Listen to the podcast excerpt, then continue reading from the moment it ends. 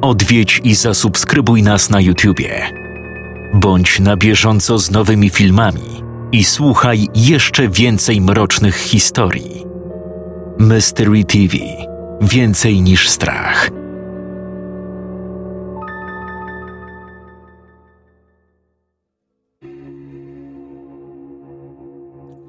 Ośmioletnia Julka nigdy w życiu się tak nie bała.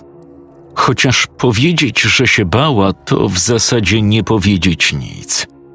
Była panicznie przerażona. Do tego stopnia, że strach paraliżował całe jej delikatne, dziewczęce ciało. Nawet jeśli zebrałaby w sobie całą odwagę, która być może kryła się jeszcze gdzieś głęboko w jej sercu, i tak nie mogłaby się ruszyć z miejsca. Siedziała na zimnej, betonowej podłodze, tyłem do drewnianego słupa z boleśnie związanymi za nim rękoma. Twardy, chropowaty sznur wrzynał się jeszcze bardziej w jej drobne nadgarstki, kiedy tylko wykonała nawet najdrobniejszy ruch. Bardzo nieprzyjemne ciągnięcie w stawach barkowych już od dłuższego czasu stawało się nie do wytrzymania. Tępy ból w okolicach potylicy dawał się jej we znaki – czuła, jak z tyłu jej głowy coś nieprzyjemnie pulsuje. Zapewne było to efektem wcześniejszego uderzenia. Na początku, gdy tylko się ocknęła, chciała krzyczeć, drzeć się w niebogłosy, wzywać mamę, tatę, kogokolwiek. Niestety, kawał starej szmaty, którą miała wypchniętą w usta i związaną z tyłu głowy, skutecznie uniemożliwiał jej wołanie o pomoc. Dlatego przez długi czas jęczała tylko najgłośniej jak potrafiła. Dała sobie z tym jednak spokój. Płakała. Czas. Ile czasu siedziała związana w tym złowrogim i wilgotnym pomieszczeniu? Kilka godzin? Może dzień? Była już bardzo głodna. Kiszki w jej brzuchu skręcały się boleśnie czasem wydając z siebie krótki bulgot. Chciało jej się siku. Nie zrobi tego jednak w majtki. Wytrzyma. Spore, kilkunastometrowe pomieszczenie, w którym dziewczyna była uwięziona, było prawdopodobnie piwnicą. Domyślała się tego, bo naprzeciwko widziała drewniane schody prowadzące na górę, a na gołych, ceglanych ścianach próżno było szukać jakiegokolwiek okna czy chociażby otworu. Julka nie wiedziała przez to, która może być godzina, czy nawet jaka obecnie jest pora dnia. Była odcięta od bodźców zewnętrznego świata, co wywoływało u niej okropne uczucie zagubienia i dezorientacji. W piwnicy poza pustym stołem, stojącym po prawej stronie przy ścianie oraz plastikowym wiadrze obok niego, nie było zupełnie żadnych innych mebli czy przedmiotów. Betonowa podłoga, na której siedziała, była dokładnie pozamiatana. Gdzie niegdzie widać było tylko maleńkie pęknięcia. Blade światło lampy jarzeniowej dawało niewiele światła. Julka dygotała cała z zimna. Nie było tu żadnego grzejnika, jesień na dworze była tego roku wyjątkowo deszczowa i nieprzyjemna. Pamiętała, że kiedy wracała od Patrycji, swojej przyjaciółki ze szkolnej ławki, miała na sobie lekką różową kurtkę i opaskę na czoło i uszy tego samego koloru. Teraz siedziała jednak na zimnej podłodze w samych dżinsach i cienkiej fioletowej bluzie z kapturem, którą niedawno kupiła jej mama. Pamiętała, że wracając do domu, jak zwykle zresztą słuchała na słuchawkach Cleo swojej ulubionej wokalistki. Daleko stąd dom, ja w sercu mam go. O ironio, tak głosił tekst piosenki. Co pamięta jako ostatnie? Hmm. Przechodziła przez las. Może kilometrowym odcinkiem ścieżki łączącym nieliczne gospodarstwa domowe z drewnianym kościołem i dalszą częścią wsi. Robiło się już ciemno chociaż mama prosiła ją, by zawsze wracała wcześniej. Mama. Boże. Wzdrygnęła się, gdy z rozmyślań wyrwał ją dźwięk otwieranych, skrzypiących drzwi piwnicy. Patrzyła, jak ciężkie kroki powoli, stopień po stopniu, ukazują przed jej oczami postać ubraną w czarną sutannę. Dokładnie taką samą, w jakiej widywała czasem księdza Jacka, proboszcza swojej parafii pod wezwaniem Matki Boskiej Fatimskiej. Kiedy postać pokonała ostatni stopień schodów i stanęła przed dziewczynką w całej okazałości, przerażenie Julki sięgnęło zenitu. Ksiądz miał założoną na twarz maskę białego królika z zapadniętymi włochatymi policzkami i wytrzeszczonymi, przekrwionymi oczami. Dziewczynka zaczęła się szamotać, walczyć z krępującymi jej przeguby rąk więzami. Chciała krzyczeć, wołać o pomoc. Z zielonych oczu popłynęły łzy, a z piersi beznadziejny jęk, skutecznie tłumiony przez własnej roboty knebel. Ksiądz stał chwilę w bezruchu, gapiąc się na nią budzącymi paranoiczną grozę oczami króliczej maski. Kiedy zaczęło się jej piekło, pomyślała jedno: Chcę do mamy.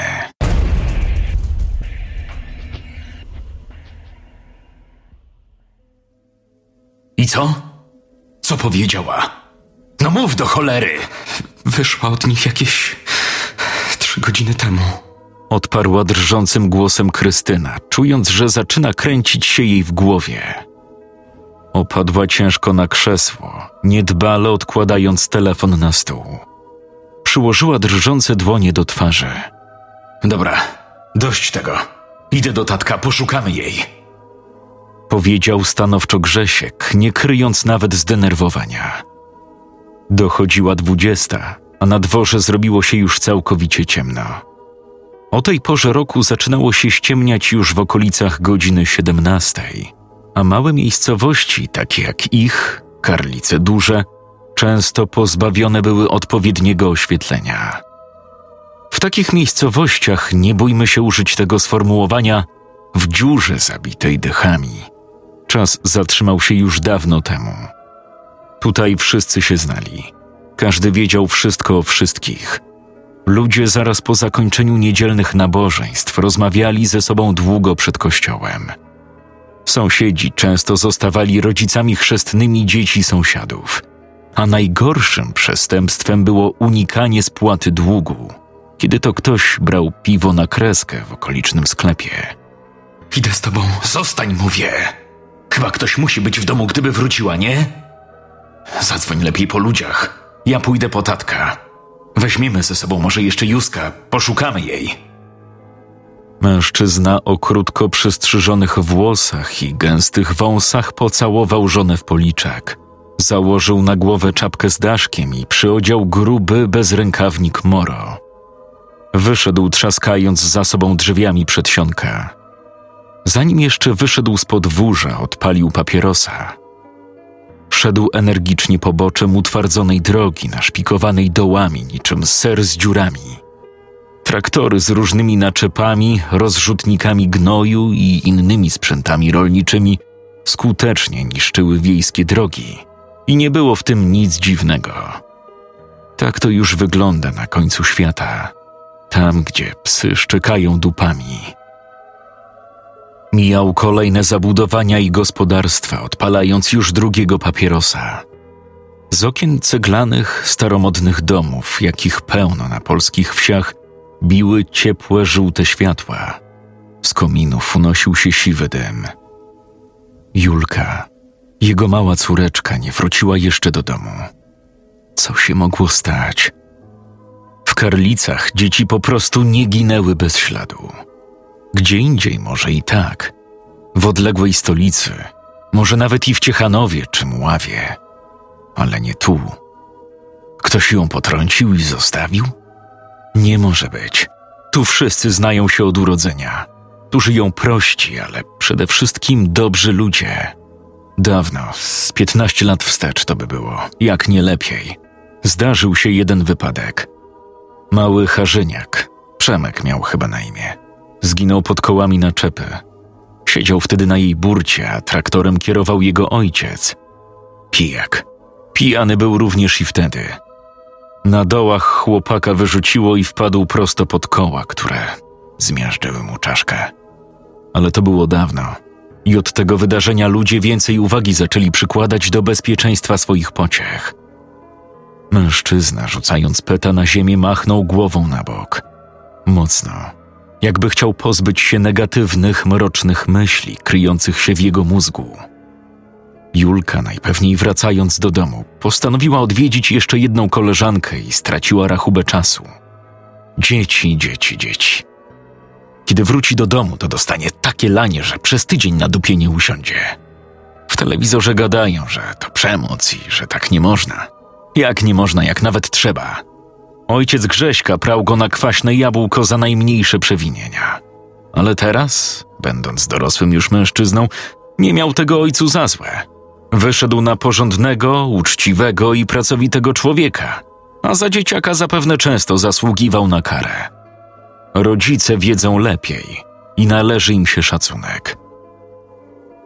Otworzył pomalowaną na biały kolor furtkę i po nierównych betonowych płytach chodnikowych podążył w stronę drzwi do domu swego brata, Tadeusza. Mijał po lewej stronie prawe małe skalniaki, na których rosły nieduże tuje i trawiaste kwiaty. Z okna salonu migotały białe i niebieskie światła telewizora. Kiedy zaczął wchodzić po schodach, lampa umieszczona nad drzwiami zapaliła się. Wcisnął dzwonek. Później jeszcze raz i jeszcze raz, bez przerwy. Zawsze tak robił. Tadek robił tak samo. Był to taki niby żart. Już od dawna jednak stało się to zwykłym przyzwyczajeniem braci. Drzwi otworzyły się po chwili, a w ich świetle stanął Tadek. Podobny do swojego młodszego brata jak dwie krople wody. Zamiast gęstego wąsa miał krótką kozią brudkę i dłuższe od Grześka włosy zaczesane do tyłu. Cześć Grzechu. Co tam? Jolka jeszcze nie wróciła do domu. Jakieś trzy godziny temu wyszła od Kinickich i jeszcze nie wróciła. Moja Krysia już odchodzi od zmysłów. Zrobiło się ciemno, a ja... Czekaj, czekaj. Powoli. Jak to nie wróciła? Dzwoniliście do niej? Tadek, kurwa, masz mnie za idiotę? Oczywiście, że do niej dzwoniliśmy. Ma wyłączony telefon. Wchodź. Tadek, kurwa, Julka nie wróciła do domu. Nie mam czasu. Chodź, mówię. Ubiorę się, weźmimy latarki i jej poszukamy. Zrezygnowany Grzesiek, tłumiąc w sobie pierwotną chęć jak najszybszego podążenia drogą, którą prawdopodobnie wracała jego córka, wszedł za bratem do przedsionka i zamknął drzwi. Przekroczyli próg niewielkiej kuchni. Na małej lodówce stał 32-calowy telewizor, w którym emitowane były właśnie wiadomości. W rogu pomieszczenia stała drewniana ławka w kształcie litery L. Stół. Na stole staromodna terakota w kratę i otwarta puszka piwa. Po lewej umywalka, pod nią zabudowa. Kuchenka połączona z blatem ciągnącym się aż do lodówki. Po prawej, zaraz za lodówką, otwarte drzwi prowadzące do dalszej części niedużego domku, małego salonu i pokoju. Do łazienki, piwnicy, jak i na strych wchodziło się z przedsionka. Tadeusz, mimo tego, że był starszym z braci, nie miał żony ani dzieci. Mieszkał sam. Nigdy nie miał szczęścia do kobiet, a i bawidamkiem raczej nie można go było nazwać. Konfrontując się z płcią piękną, momentalnie zapominał języka w gębie. Zaczynał się jąkać i robił się nerwowy. Niektórzy już tak po prostu mają. Tadek był również ojcem chrzestnym Julki, mimo iż w pierwszej chwili nie dał po sobie poznać zdenerwowania, to zdawał sobie sprawę z powagi sytuacji. Była jesień, a co za tym idzie, nocami temperatura spadała nawet do okolic zera. Dodatkowo zrobiło się już ciemno a jego chrześniaczka nie odbierała telefonu od rodziców. Nie panikował, ale nie ma jednak rady. Trzeba jej poszukać. Łukinickich powiadasz. Powinienem trzymać jej stronę, małej łobuziary, ale myślę, że powinieneś dać jej jakiś szlaban. Wiesz, tak, żeby się nauczyła, kiedy wracać do domu. Martwię się. To się nigdy nie zdarzało. To chyba najgrzeczniejsze dziecko w Karlicach i dobrze o tym wiesz. Ach, Grzesiu, Grzesiu. Zapomniał wół, jak cielęciem był. Przypomnij sobie, jakie numery my odstawialiśmy za dzieciaka i przestań się temu dziwić. Julka jest grzeczna i mądra, ale to tylko dziecko. Pewnie poszła jeszcze do jakiejś koleżanki, straciła poczucie czasu. Może boi się teraz wrócić, może boi się, że ją opieprzycie. Wiele jest opcji, ale powinna zadzwonić. Kurwa, dostanie szlaban, żebyś wiedział, że dostanie. No, ale najpierw musimy ją znaleźć. Tadek podał bratu latarkę i razem opuścili dom. Zadzwonię do Józka. Powiedział Grzesiek, odpalając papierosa i zaciągając się bardzo głęboko. Szli szybkim krokiem wzdłuż szosy prowadzącej do kościoła. Myślałem, że rzucasz. Grzegorz, trzymając telefon przy uchu, obrzucił brata gniewnym spojrzeniem. W tej sytuacji może odpalać jednego fajka od drugiego i jest w pełni usprawiedliwiony. Nikomu nic do tego. Nie odbiera. Czy dzisiaj wszystkie telefony się zepsuły? Czy tylko ja mam jakiegoś jebanego pecha? Mężczyźni zatrzymali się, dochodząc do skrzyżowania polnej drogi z jeszcze bardziej polną drogą, mniej rozjeżdżoną przez traktory i inne pojazdy. Niebo było bezchmurne i czarne, zdobione przez nieliczne, miniaturowe srebrne kropeczki. Na rogu pod rozłożystym, samotnym dębem stała kapliczka, jakich pełno na wsiach w tej części kraju. Dobra, ja idę w stronę kościoła. Pójdę do Kinickich. To jedyna sensowna droga. Julka na pewno nie poszłaby dookoła wsi. A ty idź po Józka. Przyda nam się dodatkowa osoba. Ale mam nadzieję, że zaraz wszystko się wyjaśni i wrócimy z Julką do domu. Niech będzie. Jakby co, to na łączu. Tadek poklepał brata pokrzepiająco po barku i mężczyźni rozeszli się w swoje strony. Tadek odbił w lewo, mijając kapliczkę. Grzesiek ruszył prosto w stronę kościoła. Chatka Józka, dom nie był odpowiednim słowem. Znajdowała się na skraju wsi, na niewielkim wzniesieniu zaraz koło lasu. Nim Tadek minął uchyloną i wyrwaną z jednego zawiasu drewnianą furtkę gospodarstwa, przywitało go szczekanie psa. Cicho! Cicho, diabeł! Tadek znał diabła od szczeniaka. Był to stary, już ponad jedenastoletni rosły kundel o czarnej, długiej sierści. Bez wątpienia każdy obcy człowiek zawahałby się przed przekroczeniem progu, którego pilnował ten pies. A prawdopodobnie zwłaszcza teraz, gdy panował mrok, każdy wziąłby nogi za pas, modląc się, by kundel był przywiązany łańcuchem do budy. Ale nie Tadek. Znał się z Józkiem od dzieciaka, razem z Grześkiem. We trójkę byli kimś więcej niż tylko kolegami z jednej wsi. Łączyła ich przyjaźń. Dwa lata temu stała się straszna tragedia, którą wszyscy mieszkańcy Karlic uważali za nieuchronną.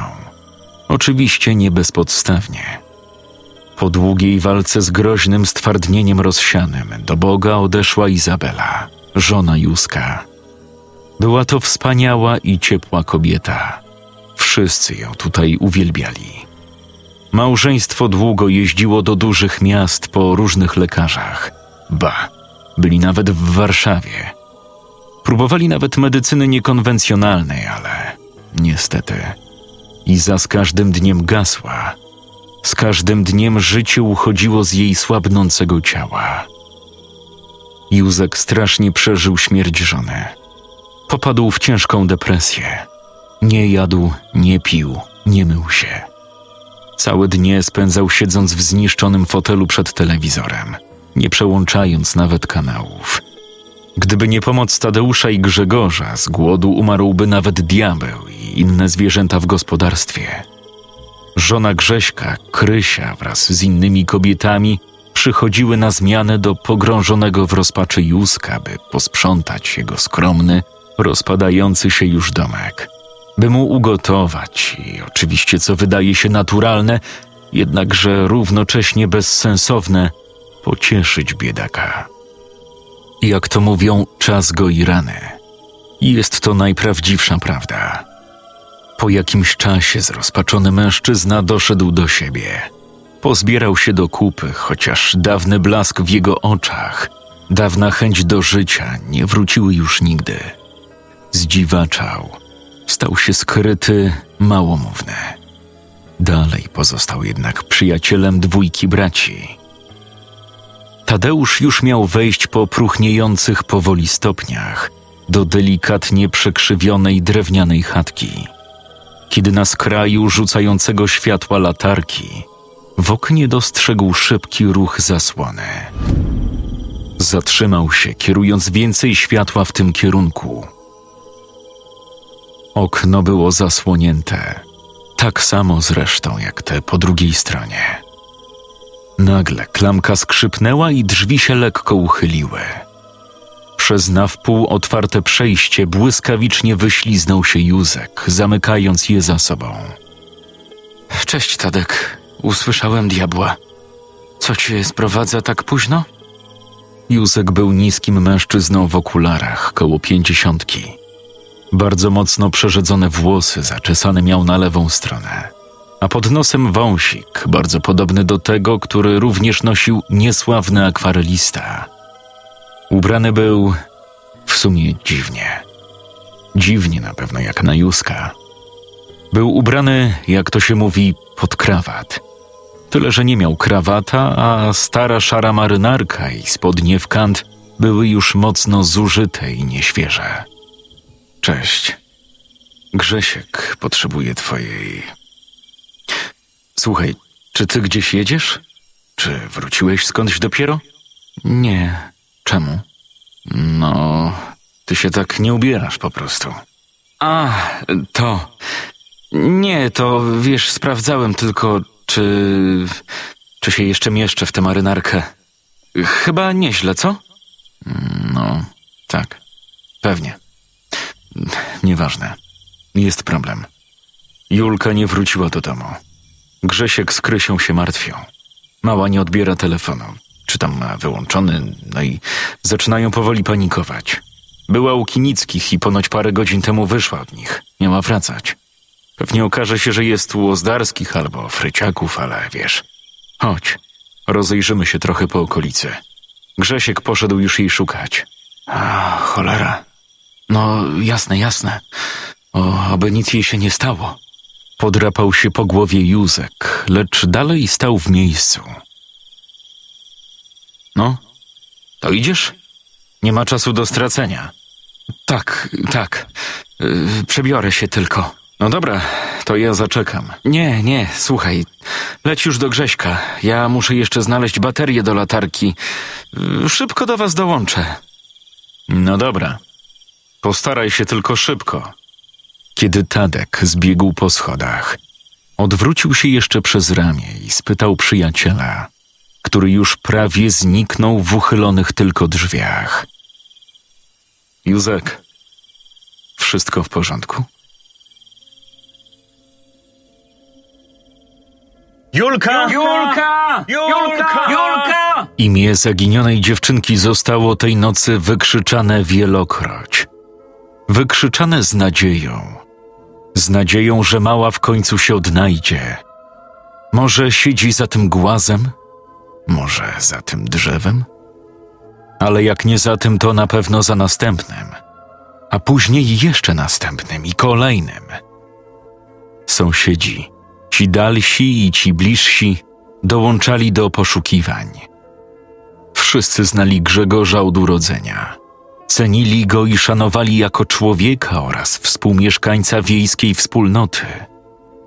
Znali i cenili również jego ośmioletnią córeczkę. Bawiła się przecież z ich dziećmi. Chodziła do tej samej szkoły, co ich pociechy. Dlatego, gdy ludzie usłyszeli o jej tajemniczym zniknięciu, ochoczo, mimo otulającej zewsząd wieść ciemności, ruszyli do pomocy Grzegorzowi, jego bratu i przyjacielowi. Nikogo nie trzeba było prosić, nikomu nie trzeba było powtarzać dwa razy. Do poszukiwań dołączył nawet Julian Bulik, który zazwyczaj nie udzielał się ochoczo we wspólnocie. Każdy chciał pomóc. Dzieciom i osobom starszym nakazano siedzieć w domach. Mężczyźni wraz z niektórymi kobietami ruszyli uzbrojeni w latarki w głąb otaczających więź gęstym i rozległym lasom, drogom i polom.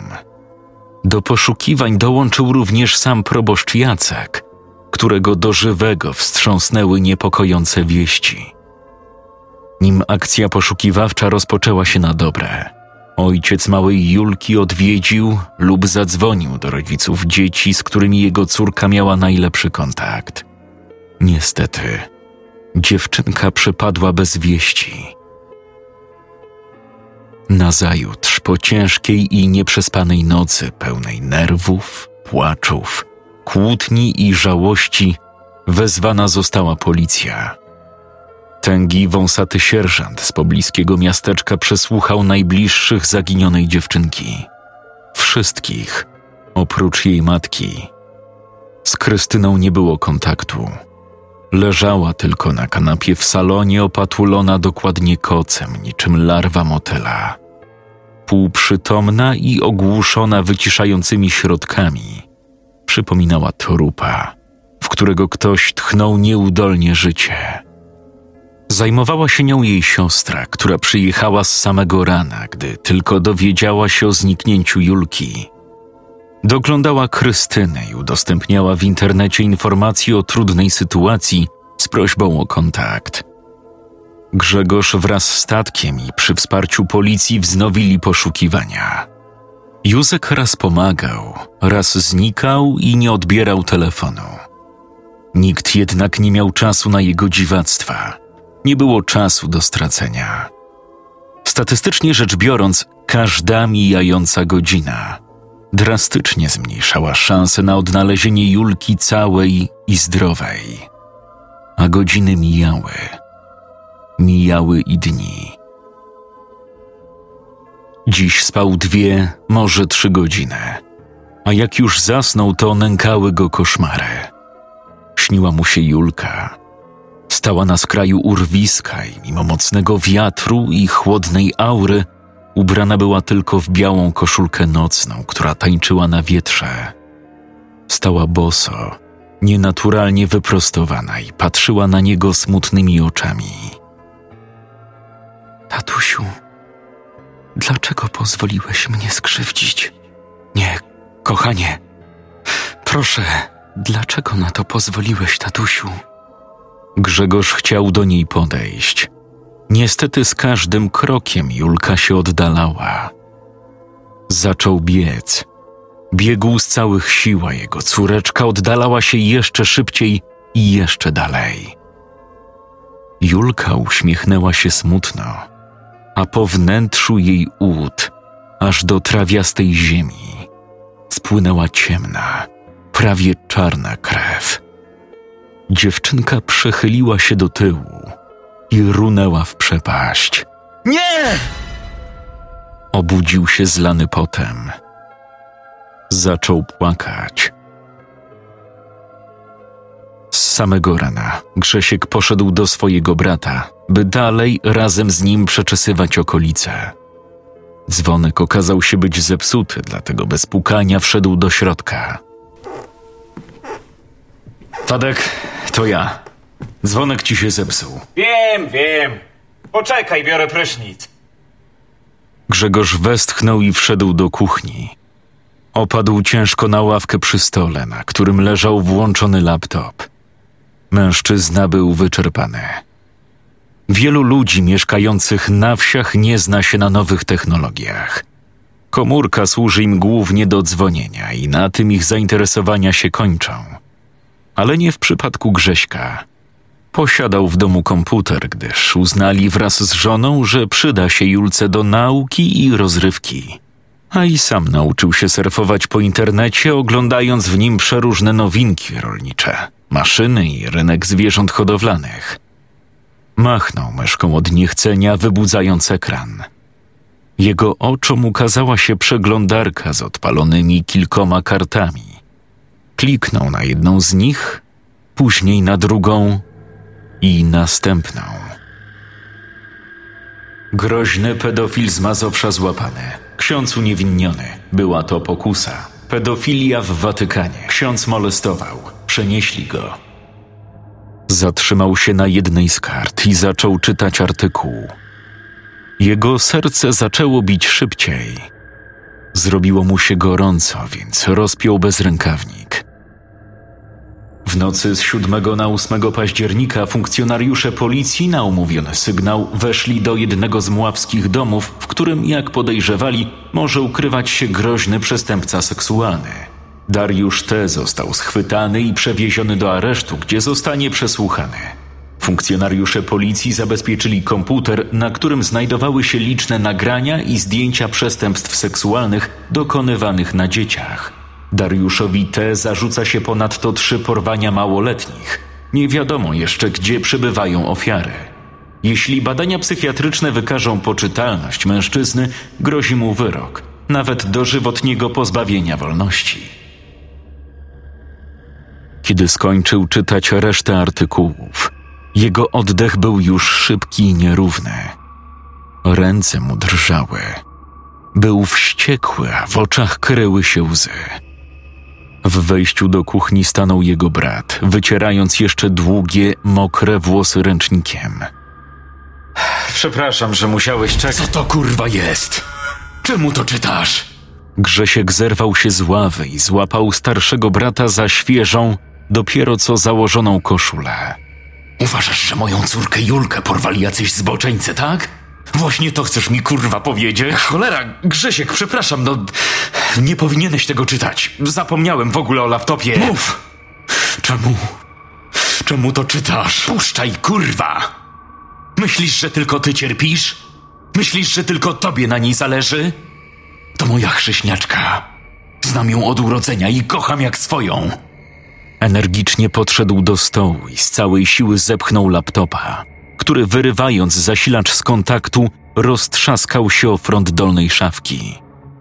Grzegorza zmroziło. Tadeusz opadł ciężko na ławę, czując jak opuszcza go złość, a wraz z nią siła. Kiedy wracamy z poszukiwań, szukam w internecie jakichś wskazówek, podobnych spraw, czegokolwiek, czegoś, co może nam pomóc ją odnaleźć. Milczeli długo. Grzesiek siedział na podłodze, oparty o szafkę. Jego brat na ławie. Patrzył przez okno gdzieś w dal. Nagle odchrząknął i wstał. Podał rękę Grześkowi. Ten pochwycił ją mocno i wstał. Nic nie powiedzieli. Nie musieli. Znajdziemy ją. Powinieneś odpocząć. Nie wyglądasz najlepiej. Powinieneś coś zjeść, wyspać się.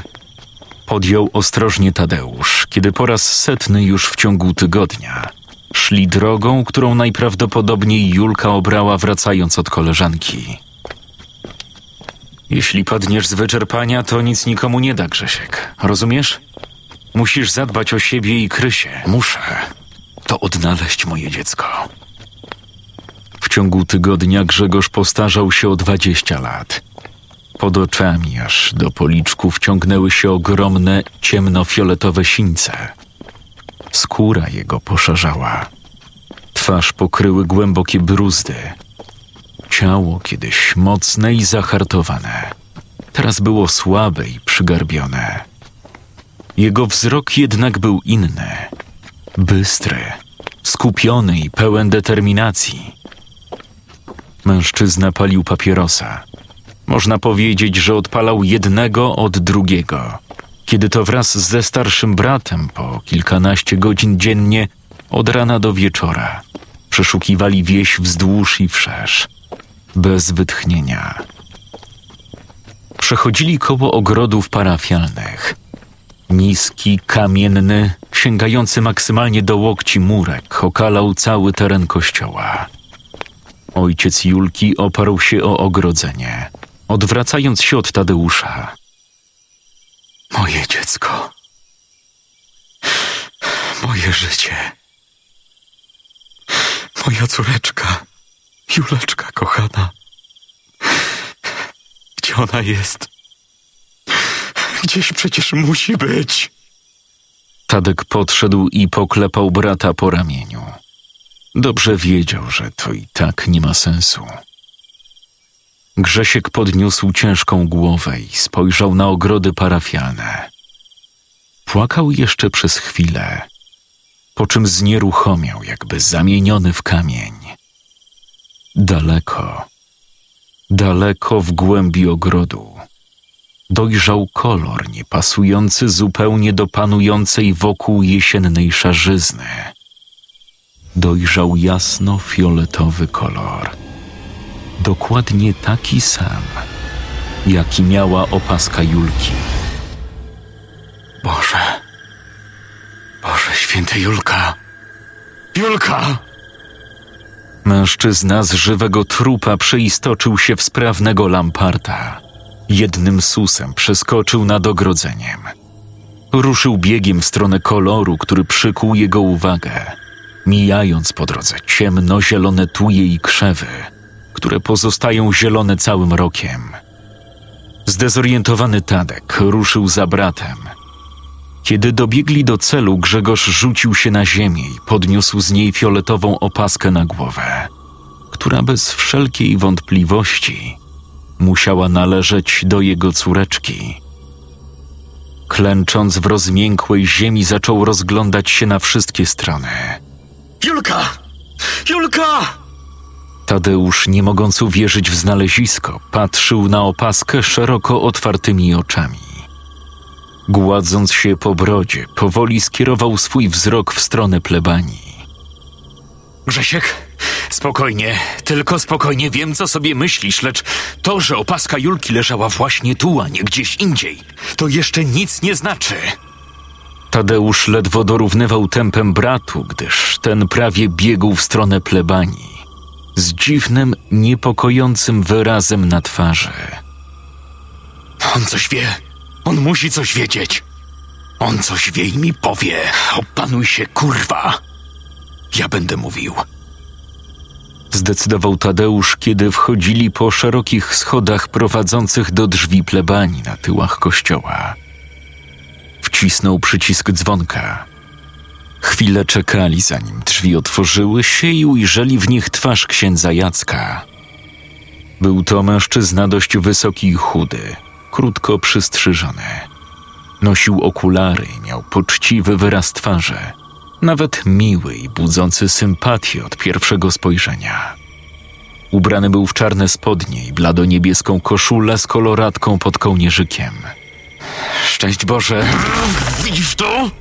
Widzisz to? Tadeusz nie dokończył. Mógł się tego spodziewać, lecz nie zdążył zareagować, kiedy Grzegorz ruszył na księdza Jacka, chwytając go za koszulę i wpychając z powrotem za próg. Przyłożył księdzu opaskę córki pod sam nos i przycisnął go do ściany. Kapłan nie krył zaskoczenia. Zabrakło mu słów oraz tchu, kiedy uderzył plecami o ścianę. Tadeusz pomasował palcami skronie. To opaska mojej córki. Leżała w błocie w twoim ogrodzie. Skąd się to kurwa wzięła? Ale... O, Grzesiek, do wystarczy. kurwy nędzy. Wystarczy, mówię! Tadeusz podszedł do brata i chwycił go mocno za barki. Pociągnął do siebie. Grzegorz zrobił kilka nerwowych kroków po korytarzu i skrył twarz w dłoniach. Bardzo, naprawdę bardzo przepraszam za zachowanie brata. To. To bardzo trudna dla nas sytuacja. Julka dalej się nie odnalazła. Grzesiek jest już na skraju szaleństwa. Krysia zresztą też. Długa chwila ciszy, jaka nastała, ciągnęła się wolno niczym kondukt żałobny. W pierwszej chwili ksiądz miał ochotę wyrzucić braci ze swojego domu. W końcu został zaatakowany. Jego rozzłoszczona twarz rozluźniła się jednak. Modlę się codziennie za jej powrót. Wszyscy się o nią martwimy. Grzegorz, miej wiarę, ale na litość boską nie wariuj. Grzesiek przez chwilę wpatrywał się w księdza bez słowa. ciężko dyszał. Spojrzał na fioletową opaskę swojej córeczki, którą kochał nad życie. Odwrócił się, chcąc ukryć przed księdzem i bratem napływające do oczu łzy. Jego wzrok padł na duże zdjęcie zawieszone na ścianie, oprawione w zwykłą, tanią ramkę. Zdjęcie przedstawiało księdza Jacka, ubranego w sutannę, w otoczeniu większości dzieci ze wsi. Zostało wykonane w lesie. Z tyłu widać było zadaszone ławeczki i stoły. Wycieczka rowerowa z ubiegłego roku. Obok księdza stała uśmiechnięta Julka. Kolejne zdjęcie w ramce było z wakacji tego roku. Ksiądz Jacek zorganizował dla dzieciaków wypad na kajaki. Stał pośród dzieci w samych slipkach kąpielowych i czerwonym kapoku. Dzieci również ubrane były w stroje kąpielowe i kapoki, gotowe na spływ po rzece. Ksiądz trzymał dłoń na ramieniu czarnowłosego chłopca. Uśmiech kapłana ciągnął się od ucha do ucha. I wtedy Grzegorz przypomniał sobie film braci Sekielskich, który niedawno oglądał. Przypomniał sobie o aferach pedofilskich, o których słyszał w mediach, a które zawsze uważał za cholerną nagonkę lewaków. Przypomniał sobie o grubym księdzu obwieszonym złotem, tłumaczącym, że każdy może mieć pokusy. Przypomniał sobie nagłówek artykułu o molestowanych ministrantach, o oskarżeniach, jakoby święty Jan Paweł II doskonale wiedział o pedofilii na wysokich szczeblach władzy w Watykanie. A co jeśli? Nie, niemożliwe. Ale jeśli? Jeśli to wszystko jest prawdą. Grzegorz spojrzał raz jeszcze na zdjęcia wiszące na ścianie. Ksiądz pośród dzieci. Wyjazdy organizowane wyłącznie z jego inicjatywy. Opuścił wzrok. Spojrzał na opaskę Julki, którą znalazł w ogrodzie należącym przecież do parafii. Ma ksiądz rację. Przepraszam. Sam nie wiem już, co mam robić. Mężczyzna schował opaskę do kieszeni, niezauważalnie podmieniając ją na zapalniczkę. Ruszył w stronę kapłana, wyciągając prawą rękę na zgodę. Grzegorz, chciałbym ci jakoś. Grzesiek szybkim i mocnym ciosem lewej pięści z zaciśniętą w niej zapalniczką rąbnął księdza w skroń. Ten upadł jak długi na ziemię, natychmiast tracąc przytomność. Jego okulary zleciały mu z nosa i spadły na twardą posadzkę, pękając w kilku miejscach. Nim przerażony Tadeusz zdążył wrzasnąć, złapał się za głowę. Co ty kurwa zrobiłeś? Co ty zrobiłeś? Przymknij się i pomóż mi go związać. Ja Poszukaj jakiejś liny. Czy ciebie kurwa do reszty popierdoliło? Popełniamy przestępstwo do cholery. To przecież nasz pieprzony ksiądz. Co w ciebie wstąpiło? Jeśli Julka jest gdzieś tutaj, to może być nawet pieprzonym papieżem, rozumiesz? O czym ty gadasz? Spójrz. Spójrz na te zdjęcia. Nie dziwi cię, że nasz księżulek Jacek tak chętnie organizuje wycieczki z dziećmi? A to do lasu, a to na kajaki. A opaska Julki leżała w jego ogrodzie. Na dodatek co chwilę wychodzą na jaw nowe fakty w związku. Zamilkł. Tadeusz dobrze wiedział, co jego brat ma na myśli. Chociaż myśl ta raniła jego serce niczym lodowe ostrze. Grzesiek. Opaskę można wyjaśnić na wiele sposobów. A co do księdza, równie dobrze mógłby to być policjant czy nauczyciel. Od kiedy słuchasz tej nagonki na kościół? Od kiedy moja córka zniknęła? Ksiądz Jacek mieszkał sam. Nie posiadał gosposi, która mogłaby mu sprzątać i gotować, co wydawało się dziwne i rzucało dodatkowy cień podejrzeń. Tadeusz uległ swojemu bratu i mimo iż wiedzieli, że robią coś złego, to Julka była najważniejsza. Dokładnie związali i zakneblowali ciągle nieprzytomnego jeszcze kapłana w jego pokoju. Potem zaczęli przeczesywać plebanie. Sprawdzili strych, piwnice, wszystkie pomieszczenia. Przeszukali wielkie szafy, a nawet kosz z brudnymi ubraniami w łazience. Niestety, nie znaleźli nic. Gdy wrócili do pokoju, ksiądz Jacek był już przytomny. Leżał na ziemi, dalej przywiązany do krzesła. Widocznie próbował się uwolnić. Mężczyźni dźwignęli go z powrotem do pionu. Grzegorz schylił się i spojrzał księdzu głęboko w oczy. Szukam swojej córki. Jeśli jesteś niewinny, jeśli nie miałeś z jej zniknięciem nic wspólnego, to nie będziesz krzyczał, gdy zdejmę ci knebel. Zgadzasz się? Dobrze. Co wy kurwa robicie? Moja głowa. Grzesiek, co ty sobie na litość boską ubsturałeś? Nie mam nic wspólnego ze zniknięciem Julki. Nigdy w życiu nikogo bym nie skrzywdził, a zwłaszcza dziecka do cholery. Rozwiąż mnie natychmiast. Grzesiek, rozwiążmy go. Nic nie znaleźliśmy, to była pomyłka. Od jej zniknięcia modlę się codziennie, by się odnalazła. Niedzielną mszę odprawię w jej intencji. Napisałem nawet maila do kurii o pomoc i modlitwę. Po usłyszeniu ostatniego zdania Grzegorz doznał olśnienia. Mail. Komputer. Spojrzał na laptopa stojącego na biurku przy oknie, a następnie szybko ruszył w jego stronę. Co ty robisz?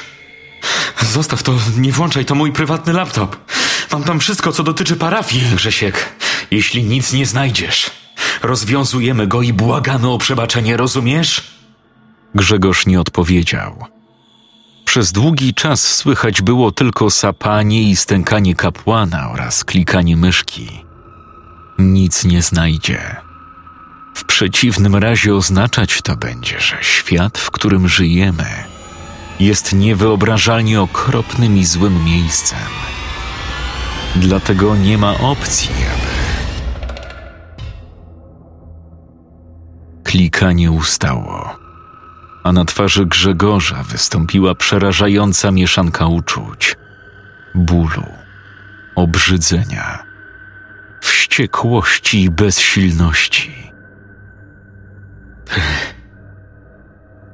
Skurwysynu. Ty jebany skurwysynu.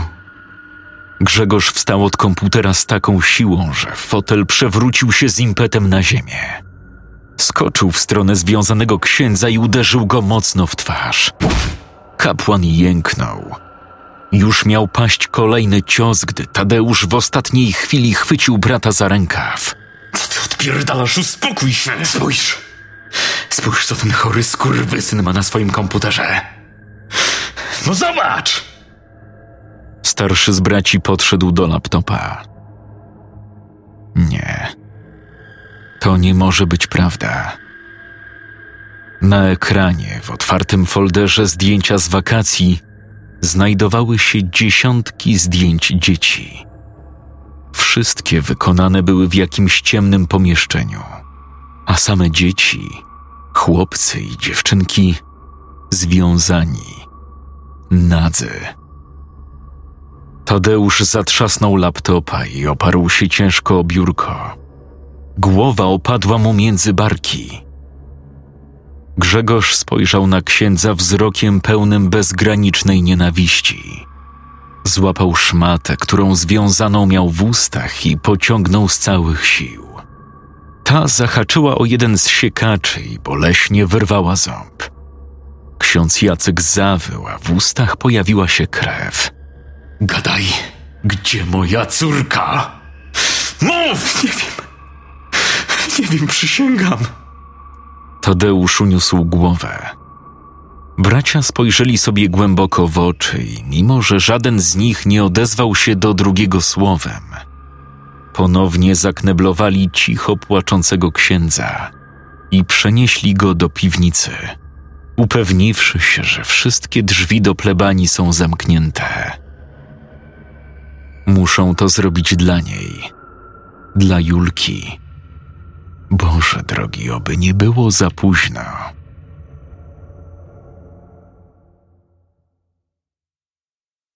Grzegorz był bardzo przekonujący w swoich działaniach. Lecz mimo iż pozbawił księdza Jacka za pomocą kombinerek już czterech paznokci, ten dalej nie wyjawił miejsca pobytu Julki. Szmata wepchnięta do ust skutecznie zagłuszała wrzaski pedofila w sutannie. Widok był przerażający i Tadeuszowi, mimo iż wiedział, że tak trzeba, zbierało się na wymioty. Przy kolejnym szarpnięciu ksiądz zeszczał się w spodnie. Dygotał jak opętany na całym ciele, lecz mocny sznur, którym był przywiązany do krzesła, uniemożliwiał mu jakikolwiek opór. Po rozgrzanych do czerwoności policzkach spływały mu łzy, mieszając się z kropelkami potu. Mów, gdzie są te dzieci? Mów, gdzie jest moja Julka? Już mówiłem. Nie wiem.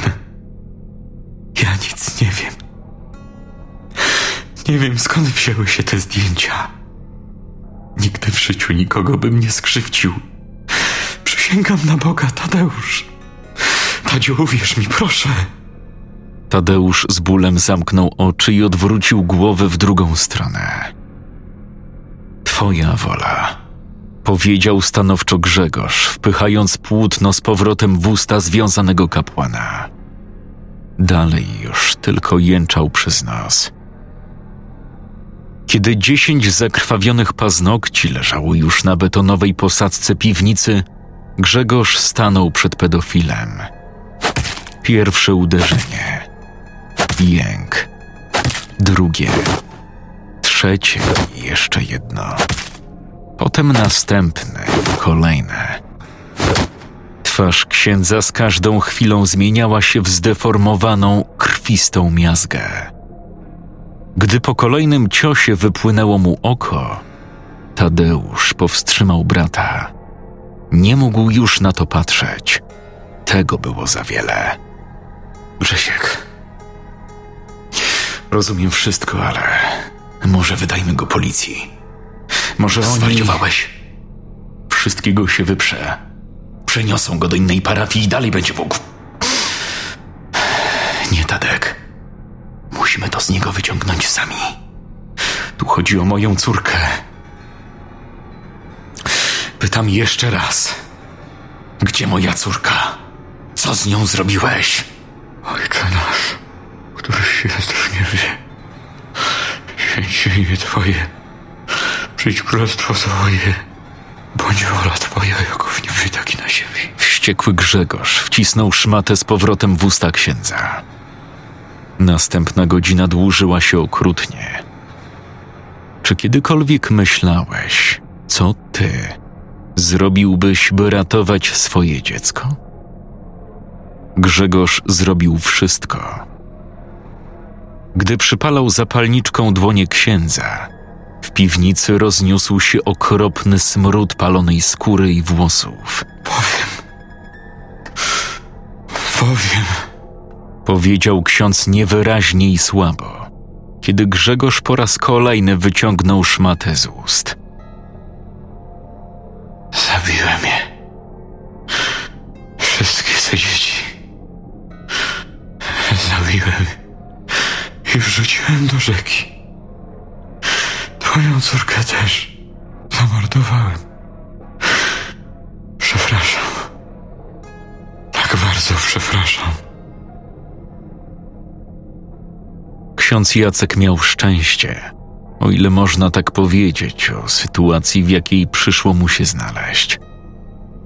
Grzegorz, opętany rządzą mordu, rzucił się na księdza z obłędem w oczach i gdyby w pobliżu nie było jego brata, kapłan zostałby zatłuczony na śmierć, gołymi rękami. Tadeusz, mimo wstrząsu, jakiego doznał na słowa pedofila, zachował krztę zdrowego rozsądku. Przetrzymywanie i tortury to jedno, Lecz zabójstwo to najcięższy kaliber, a on nie był na to gotowy. A przynajmniej tak mu się wydawało. Bracia długo siedzieli w milczeniu w pokoju księdza, zostawiając swoją ofiarę samą w piwnicy. Grzegorz siedział na ziemi oparty o szafkę. Głowa wisiała mu bezwładnie na piersi. Tadeusz chodził po pokoju w tej z powrotem. On musi zginąć. Musi zapłacić. Nie możemy go zabić. To będzie morderstwo, rozumiesz? Julka. Ona by tego nie chciała. Grzegorz popatrzył na swojego brata. Mimowolnie sięgnął pamięcią w przeszłość. Pomyślał o Julce, o swoim najukochańszym dziecku. Przypomniał sobie, jak stawiała pierwsze kroki, jej pierwszy uśmiech. Wreszcie przypomniał sobie sen, który nawiedza go od jej zniknięcia. Nie daje mu spokoju. Czemu pozwoliłeś mnie skrzywdzić, tatusiu? Dlaczego? Możemy. I zabijemy go. Zabijemy go tak, jak on zabił Julkę.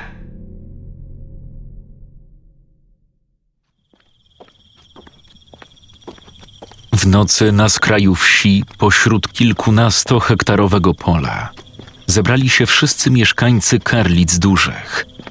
Wszyscy oprócz dzieci, bo tak wyraźnie nakazał Tadeusz, który jeżdżąc od domu do domu informował swoich przyjaciół, sąsiadów i znajomych, ludzi, których znał od urodzenia, o tym, że ma coś ważnego do powiedzenia. Wszyscy o północy stawili się na wezwanie, ustawiając się w półkolu, naprzeciw zaparkowanego na polu ciągnika z podczepionym rozrzutnikiem. Obok maszyny stał Grzegorz, Tadeusz i postać z narzuconym na głowę workiem po ziemniakach i związanymi za plecami rękami. W tłumie dało się słychać szepty. Ludzie świecili latarkami na tajemniczą postać. Kto to? O co chodzi? Mieszkańcy byli widocznie poruszeni.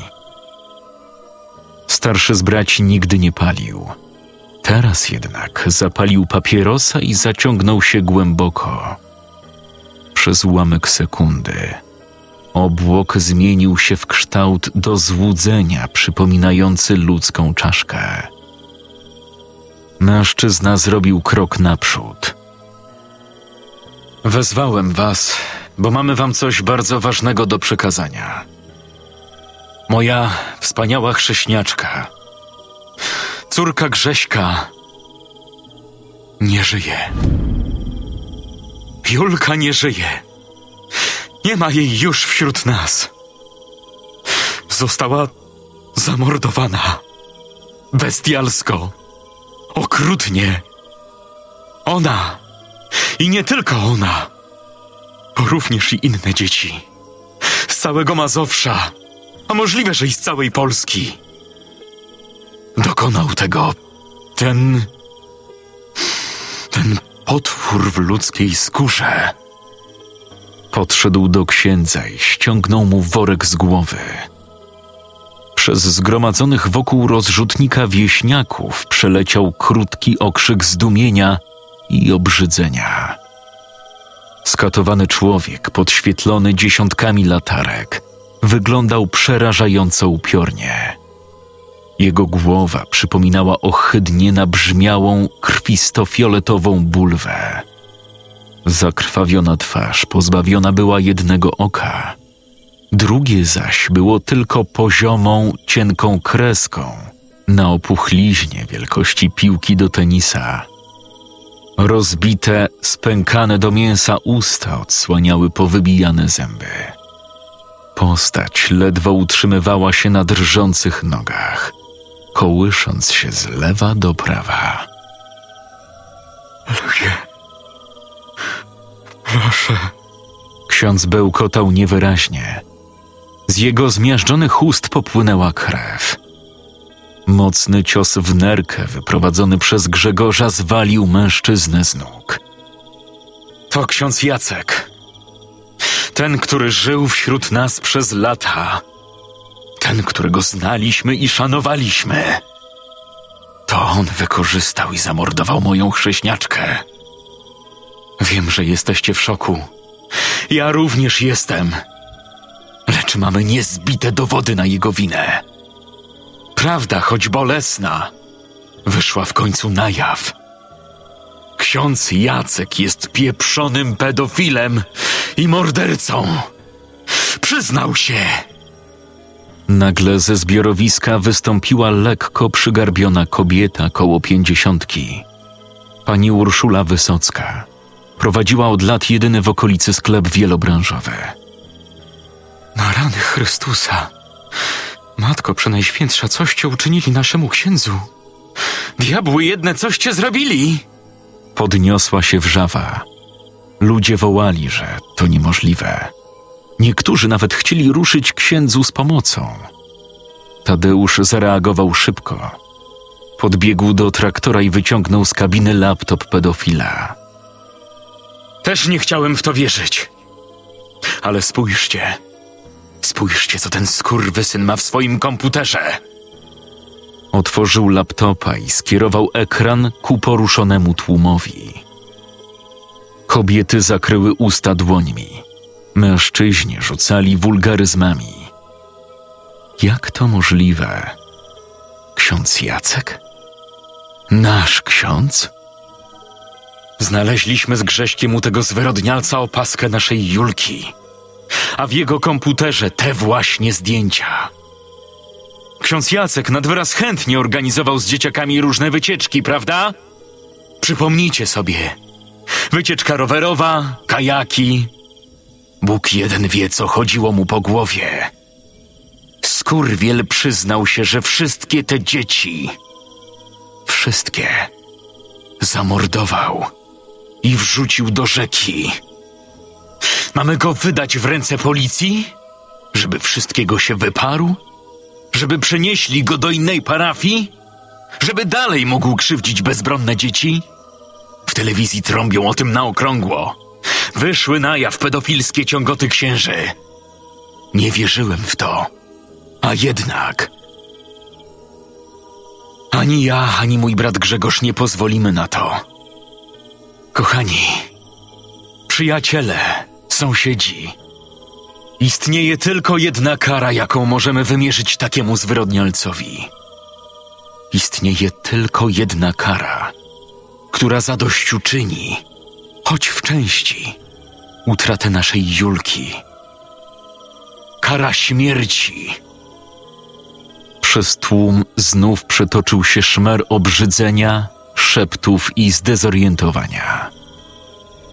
W końcu odezwał się Grzegorz. Podszedł do sołtysa, grubego i łysego mężczyzny z głęboko osadzonymi oczami.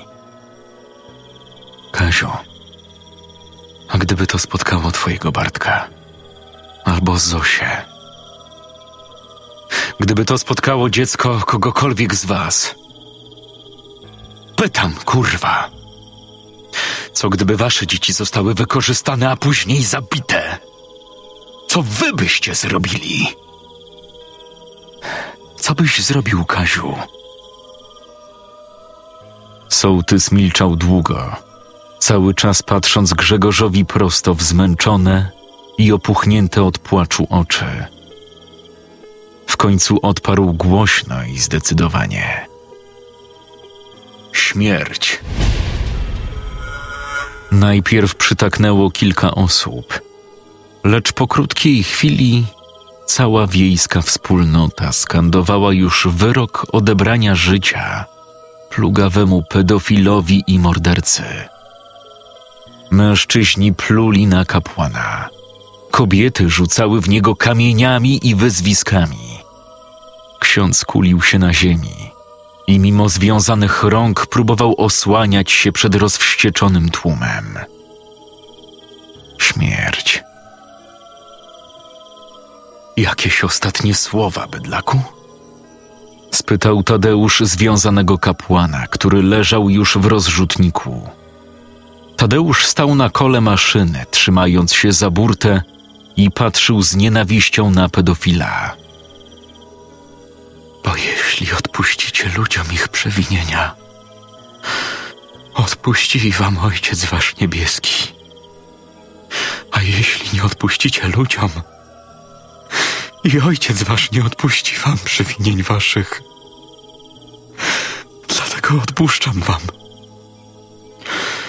Wybaczam. Witaj się z piekłem, skurwysynu. Tadeusz zeskoczył z koła rozrzutnika. Traktor ruszył, kierując się na środek pola. Odgłosy głośno pracującego silnika skutecznie zagłuszały dźwięki rozszarpywanego na kawałeczki księdza. Ostre zęby rozrzutnika rozczłonkowały ciało na drobne, krwawe części. Zgruchotały i rozerwały kości, organy wewnętrzne oraz czaszkę proboszcza, rozrzucając truchło po całym polu w obłokach krwi. Nikt nie zwrócił na to uwagi, lecz kiedy ksiądz wkręcał się w zęby maszyny rolniczej, nad traktorem przeleciała biała gołębica i wzbiła się wysoko ku czarnemu jak węgiel niebu.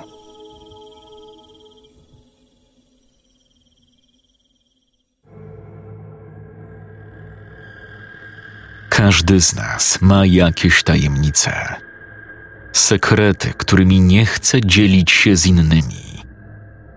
Niektóre mogą być straszne, a nawet okropne, kompletnie nieakceptowalne w społeczeństwie. Sekret Józka taki właśnie był. Jak ci smakuje, kochanie? Spytał Józek, mieląc w ustach przygotowane przez siebie spaghetti. Jak co wieczór od jakiegoś czasu ubierał się w stary i znoszony garnitur. Siedział przy stole, na którym paliły się świece. Znajdował się na nim również stary, nadpalony garnek ze spaghetti, otwarte wino w ciemnej butelce i dwie lampki do trunku. O, jak miło, że zauważyłaś. Na samym końcu dorzucam łyżkę miodu, wiesz? To właśnie miód dodaje tej nutki słodyczy. Na drugim końcu stołu, przywiązana kablem do krzesła, siedziała martwa sarna. Ciało zwierzęcia ubrane było w różową sukienkę z białymi falbankami przy rękawach i dekolcie. Na łeb sarny założona była blond peruka. Dokładnie takie włosy miała za życia Iza, żona Józka. Na mglistych oczach zwierza siedziały liczne muchy. Latały i siadały na śmierdzącej sierści. Długi fioletowy język zwisał bokiem z pyska. W całym domku nosił się smród rozkładającego się mięsa i mokrej sierści. Okna były szczelnie zasłonięte, a jedynym źródłem światła były płomienie świec, mające dodać tej kolacji odrobinę romantyzmu. Bardzo cię kocham, skarbie. I cieszę się, że zaczęliśmy znów chodzić na randki. Dawno tego nie robiliśmy. Przepraszam. To moja wina.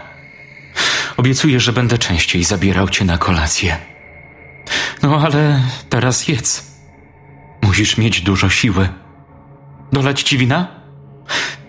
Nie? A ja się chętnie napiję. No, jedz. Jedz. Przecież musisz jeść. Musisz wyzdrowieć. No jedz.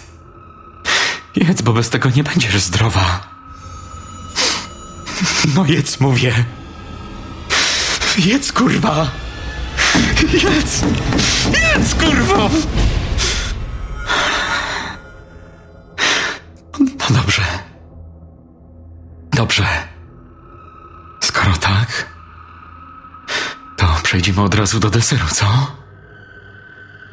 Wstał od stołu i ruszył w stronę rozkładającego się powoli zwierzęcia. W międzyczasie rozpiął rozporek swoich odświętnych spodni. Masz. Masz deser, szmato. Jedz, mówię. Musisz mieć siły, by wyzdrowieć. Musisz jeść. Jeść, żebym nie został sam, rozumiesz, dziwko? Mężczyzna trząsł się, gdy szczytował. Potem upadł na ziemię z opuszczonymi do kostek spodniami. Płakał, waląc pięścią w podłogę. Nie zostawiaj mnie. Proszę, nie zostawiaj mnie. Józek nigdy nie pogodził się ze śmiercią swojej żony.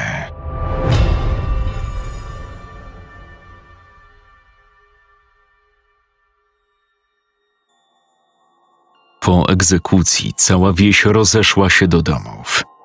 Tadeusz przytulił Grzegorza. Mocno, po bratersku.